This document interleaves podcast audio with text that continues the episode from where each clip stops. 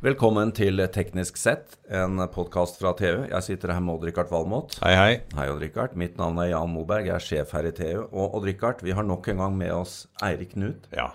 eh, forfatter og astrofysiker. Velkommen, hei. Eirik. Ja. I dag skal vi snakke om et eh, tema som i hvert fall er på din liste over favorittemaer. eh, Og samme her. Nei, Ja, ja. To entusiaster. Vi skal snakke om det som ikke finnes i dette rommet, nemlig kunstig intelligens. Her er det bare ekte intelligens. Artificial intelligence. Og Rikard, litt ja, det er jo for at vi har historien. skrudd av mobilen. ja, det var det jeg hadde tenkt å si, men du kan starte. Det er mye kunstig intelligens i mobilene våre. Ja. Ja. Men hvor startet dette? Det starta jo Det starta vel egentlig før man hadde bygd datamaskiner en gang. Men, men uh, Alan Turing, som var en pioner i, innenfor datateknologien, han uh, forska jo mye på det her og sto bak den såkalte Turing-testen. Og den var vel, ble vel ikke reell før ut på, langt ut på 50-60-tallet. At man klarte å, å programmere den. Men det handla om å, å føre en samtale med datamaskinen. Og klarer du å avsløre at dette er et altså, datasystem? Det var jo egentlig ganske enkelt, da. Det var det. Jeg kan faktisk huske da jeg studerte informatikk på 80-tallet, så lekte vi oss med et program som heter Eliza. Vet ikke om Ja, du husker jo, jo. det? Som var sånn Ja. eh, artificial psykolog. Eh, og, og du, altså, de første fem minuttene du snakker med Eliza, så er det dønn overbevisende. Altså. Det høres ut som en psykolog. Ja, hva tenker du om det? La oss snakke om din mor. som plutselig kommer det inn, og så skjønner at alt er forprogrammert. Ikke sant? ja. Og det er sånn, men du skvetter jo litt, da. Ok, ok. Men, eh, men ja, det er jo, og så har du John von Neumann, og du har jo eh, du, har, du var jo tidlig ute med sjakkmaskiner. Lenge så hadde man denne sjakk-approachen til kunstig intelligens med at liksom, hvis du kunne bygge en maskin som, som var, sånn, eh, var sterk på disse her kraftsportene, mentale Ja. kraftsportene, så hadde du intelligens. Men man har vel etter hvert også fått et mer nyansert syn på hva det faktisk er. Altså, for, ja. Ja, det er det, men én ting er jo om en maskin spiller sjakk mot et menneske, men nå spiller jo maskinene mot hverandre, og det er fortsatt ganske krevende, har jeg skjønt. Ja, ja, ja. Jo, jo. Det er voldsomme Dette ting. går jo på hvor mye superdatakraft du har. Men dere, eh, det siste nå er jo ikke siste, da, men i det siste så har vi blitt advart om at eh, kunstig intelligens er farlig. Hva, skal vi, hva skal vi svare lytterne til det? Altså, Det er mye frykt her. Når du, når du kombinerer AI og Richard med, med disse beistene fra Boston Robotics Ja, du kan er- se for deg en sånn godt bevæpna sau med, ja. med fire Da, på. da da kan løpe. til og med jeg sove dårlig. Ja. Altså, Advarslene kommer jo fra uhyre oppegående folk. Altså, Det er jo folk som Stephen Hawking og Elon Musk som ikke akkurat er noen sinker. Og Bill Gates. Og Bill Gates har også slengt seg på. Så, eh, så jeg, jeg syns vi skal ta dem på alvor. Det jeg tenker, er at uh, altså, altså, På en måte kan du si Når sånne folk går så tydelig som de gjorde i fjor, særlig, så begynte de å snakke veldig mye om det. Så tenker jeg at eh, Da mistenker vi at de vet altså de vet mer enn oss. De snakker med mange flere. De har Åpenbart. bedre Åpenbart, og det er viktig å tenke, Ja, ja. ikke sant? Så, så at, at de har, har snakket med folk som forteller hvor langt man nå har kommet. For altså, vi skal ikke glemme AI har blitt lansert med brask og bram mange ganger. Altså Vi som har levd en stund, husker de gangene. Eh, hvor det er liksom f.eks. ekspertsystemene på 70-80-tallet, og så innfrir de ikke helt. Og så går man inn i det som da ofte kalles for en, en AI-winter. Du går inn i en sånn lang periode hvor det nesten ikke skjer noe, og folk gir litt opp. Og så vinner nevrologene som sier at egentlig kan vi ikke lage intelligens, vi har ikke skjønt det. Og så får, får vi optimismen igjen. Og nå er vi inne i en ny optimismefase. Ja. Men det er mye som tyder på at vi denne gangen er inne på noe, altså. Og Vi er jo mye, mye nærmere. nå mye nærmere nå, ikke minst fordi at nå merker vi det, nå ser vi, nå finnes det konkrete produkter. Du nevnte mobiltelefonen. Altså, eh, Det er ingen tvil om at for Google så er kunstig intelligens nå et hovedsatsingsområde. Og de faser det inn ikke bare i søket sitt, men i oversettelse og i smarte assistenter og i diverse styringssystemer. IBM selvfølgelig med sitt Watson-system. Så, så vi, er, vi er kommet mye lenger nå. Ja, og det er viktig at en jevne forbruker faktisk blir eksponert for dette daglig flere ganger. Både gjennom å bruke Google, Siri eller, eller andre systemer. Og det er jo og det er litt spennende, da. at altså, Folk som bruker det mye, de merker at det er lærende. Jeg er f.eks. i en situasjon hvor jeg, jeg sitter i styret i Norsk lyd- og blindeskriftbibliotek. og der, Det betyr at jeg har kontakt med ganske mange blinde og svaksynte. Og de, de elsker jo sånne ting som Siri. ikke sant? Akkurat som de også elsker sånn Google Home og Amazons uh, Echo. For dette er grensesnitt du kan snakke med.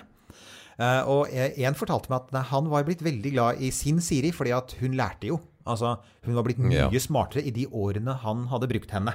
Ja. Jeg tenkte jøss, dette er interessant. altså, fordi at Vi som er seende, tenker ikke så mye på det, fordi så mye av grensesnittet håndterer vi visuelt, og det er fremdeles bygd for det. Men her har vi sånne grupper som nå pusher AI-delen, og de kan rapportere at det absolutt er i ferd med å bli mye bedre, og det lærer av våre vaner. Og det er interessant, for det har det ikke gjort før. Det er, det er jo en utrolig utvikling. Og det som, det som er litt skummelt, da, det er at alt dette blir jo tatt vare på oppi nettskyen et eller annet sted. Og hva kan det brukes til i fremtida? All den informasjonen det suger til seg. For det er jo, det er jo en eksponentialfunksjon vi er vitne til nå i, i, i eh, funksjon. Ja, altså det er jo de som da mener at vi nesten er på vei mot en sånn der singularitet med at det, det går fortere og fortere, og så plutselig bare har vi intelligensen der. Ja. Ja. Og det, det er jo to dimensjoner her. Det ene er jo selve da uh, Eller intelligensen bygget inn i systemene. Det andre er jo tilfanget til alle dataene. Og det er når disse da kommer sammen, og gjerne i er jo, lag, de lever jo sammen hele tida. lag på lag innenfor forskjellige områder, så plutselig så har du noe som er eh, Og pot potensialet for godt er jo fantastisk. La oss ikke glemme det. Altså, vi, Men det er også potensialet for ondt. Ikke sant? Og det, er jo, og det er jo nettopp derfor det er kommet en sånn call to action. La oss snakke om det. La oss se om vi denne gangen kan være litt tidlig ute med å lage standarder. fordi det har vært et problem. Eh, Jon Bing sa jo det i sin tid, at det er et problem at lovverket alltid ligger liksom to tekniske generasjoner etter. ikke sant?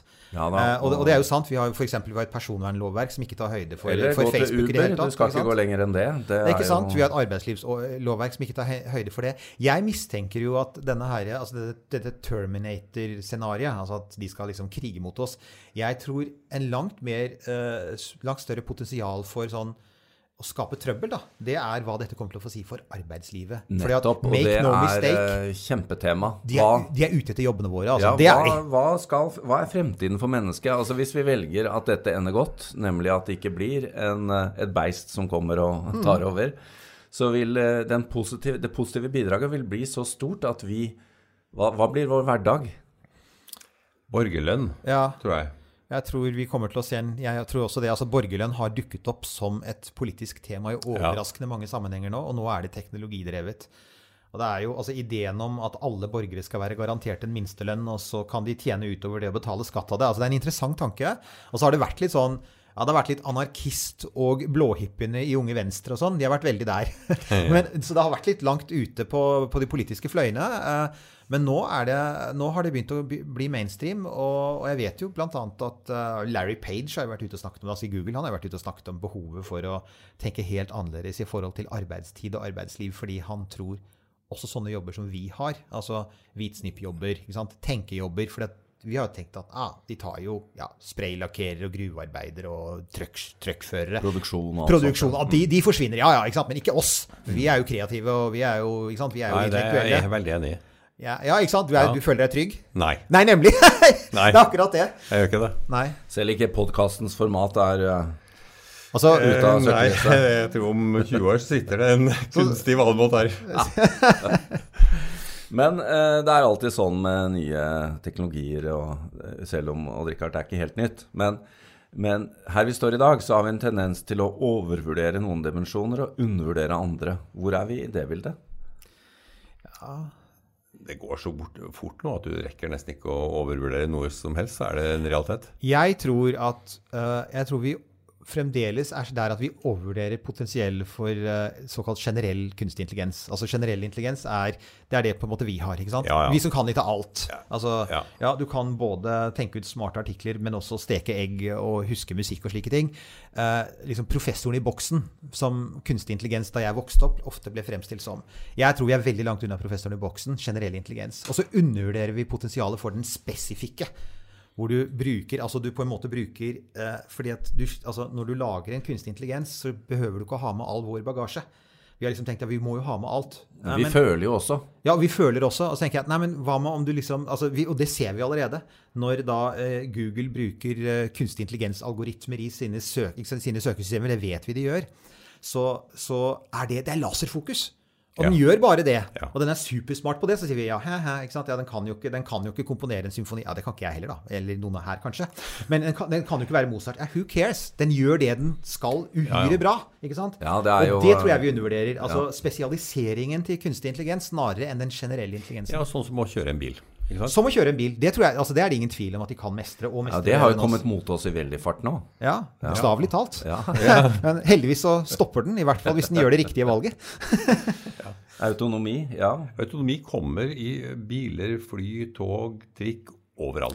Er ikke det litt overraskende hvor raskt vi har gått fra å- Veldig. Ja, altså, for at, for at, Ja. altså, for at jeg tenkte det, det er en sånn ting jeg tenkte at ok, vi får disse smarte autonome systemene, men vi putter dem da forsvingende ikke inn i store, tunge maskiner. Jo! Det er det det, vi vi gjør først. Det er det, vi Det er det det første vi gjør. Ja. Før vi egentlig får en virkelig smart assistent på armen, så skal vi ha en som styrer et halvannen tonn med stål på motorveien. Men det jeg hører fra industrien, er at det, vi- det de gjør det for, det er pga. sikkerhet. Ja. Dette er sikrere enn å ha et menneske der, og det er ikke så rart.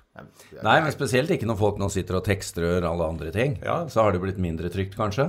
Ja, men jeg tror, jeg tror før eller siden så blir Og i, i løpet av relativt kort tid så blir det forbudt for mennesker å kjøre bil. Altså, Autonome kjøretøyer er et innmari interessant case også, nettopp fordi det demonstrerer akkurat det jeg snakket om. at vi tar, hvis, hvis du tar kunstig intelligens og gjør den spesifikk, så kan den løpe ringer rundt alt vi mennesker kan. Og det er det som kommer til å skje. det er det som kommer til å skje. Vi er generelt intelligente, og, vi, vi, og det, det er vi. Men samtidig bærer vi på utrolig mye bagasje. F.eks. en av de tingene som gjør oss til dårlige sjåfører, det er uh, vår tendens til å Altså, det er adrenalin. Vi reagerer heftig på det vi mener er sant, at noen kommer inn på våre enemerker og blir Vi dramatisk blir dårligere. territorielle. altså. Vi blir territorielle. Den territorialiteten har vært ekstremt viktig i vår evolusjonære forhistorie. Så der kan du si at der er det vår genetiske bagasje som gjør oss til dårlige sjåfører. Samme når det gjelder multitasking. Vi er elendige på det. Når ungene skriker i baksetet, så blir vi igjen dramatisk dårligere sjåfører. Der, der slår de oss, ikke sant?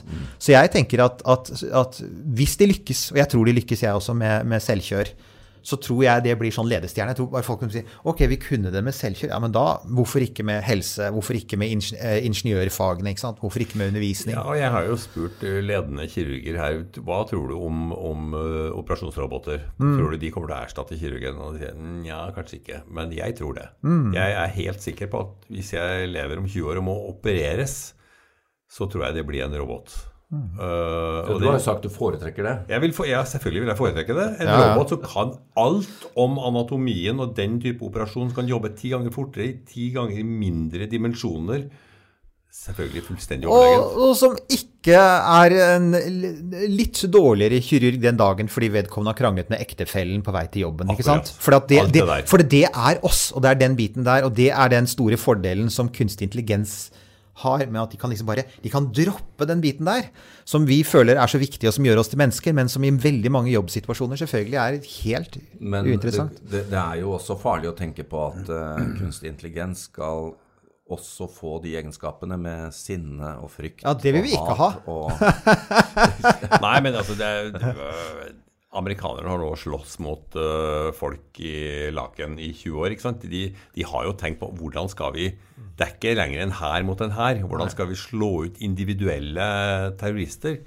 Og her kan jo kunstig intelligens gjøre, gjøre jobben, tror jeg. Jeg tror de jobber veldig mye med det her. Ja da, og det de kan, altså Selv om ikke kunstig intelligens får følelser, så kommer de nok til å få ekvivalenten til det. For det, igjen så vet vi jo fra altså, nevrologisk forskning at det vi kaller følelser, er jo på mange måter så er det jo eh, mentale snarveier. Altså Redsel er ikke sant, det er for at du skal slippe å stå og gjøre et sånt mentalt regnestykke når sabeltanntigeren kommer mot deg og sier 'kan den drepe meg'? Du blir bare redd, og du løper. Og samme forplantning. Bør jeg egentlig forplikte meg til 25 år med, med barnepass og sånn? Nei, nei, nei. Du har en klikk, sier hjernen din, du får en følelse. De snarveiene er viktige. Og, og, og i f.eks. krigssituasjoner, hvis vi skal ha autonome krigsroboter, som jeg vel tror etter hvert kommer, så må de også kunne altså, bli mindre rasjonelle og, ta, og, og gjøre flere sånne gut reactions og si OK, her tror jeg Jeg er ikke 100% men jeg er 90% Å, jeg er, jeg er forbanna! Ikke sant? Så jeg bare trykker på knappen. Jeg, tror, jeg tror vi kommer til å få litt eh, robotemosjoner, er et interessant område. Det er, det, neste, det er den neste bølgen. Vi kan ta en podkast om det om 20 år. ja, det kan vi godt gjøre. Men på, her hvis, står vi er. Hvis er der, hvis ikke vi er Ja, nemlig. Vi har snakket om kirurgi, eh, autonomi og litt eh, krigsteorier og sånt. Hvor, ellers kan vi følge med, vi som sitter her i dag og ser at dette skjer raskt? Jeg har en drøm om at øh, når jeg blir ordentlig gammel og litt øh, dårlig på til beins og i hjernen og overalt, da har jeg en robotassistent som kan lage mat til meg, som kan passe på at jeg tar medisinen min, som, som tar meg hvis jeg faller, etc., etc. Ja, nei, altså fordi det vi har av roboter så langt, er dessverre sørgelig lite intelligent. Så jeg, jeg, jeg var veldig fascinert av eh, hjemmeroboter en periode. Men så ser jeg at for øyeblikket er de så lite integrert i skyen, og de er såpass dumme, så jeg har mistet litt interessen. Så jeg er blitt veldig fascinert av de smarte systemene vi har rundt oss. Altså, Ja, igjen, altså det de som er- innenfor de forskjellige nisjene. ja, mobil, ikke bare innenfor mobiltelefonen, men faktisk også som du finner på PC. Og jeg, jeg har en sønn som er veldig fascinert av disse tingene med sånn når eh, Microsoft forsøker å gjette alderen din, og du får smarte systemer som skal prøve å finne liksom, Ja, lese ansiktsuttrykk. Lese ansiktsuttrykk, gjenkjenne Mm. tegninger var det siste fra Google. Og du tenker ah, sånn, ha-ha, den greide ikke å gjenkjenne en damesko, var det en som tvitret her dag. Tenker jeg, men du er klar over at du nå er med på et gigantisk eksperiment? Hvor dessuten Google nå fikk vite at du, eh, ikke, den ikke gjenkjente en damesko. Så det, det fikser de nok i neste iterasjon, Ja. ikke sant? Så, så, jeg, så det er jo rikelig med anledninger for folk til å teste ut disse tingene. Ja. Og, og så kan de bare merke seg at på en del områder så, så er det ikke sant, så, så er liksom sånn igjen delvis kunstig intelligens. Det er for eksempel, det er vel den siste iPhonen som har muligheten til å få dybdeskarphet. ikke sant?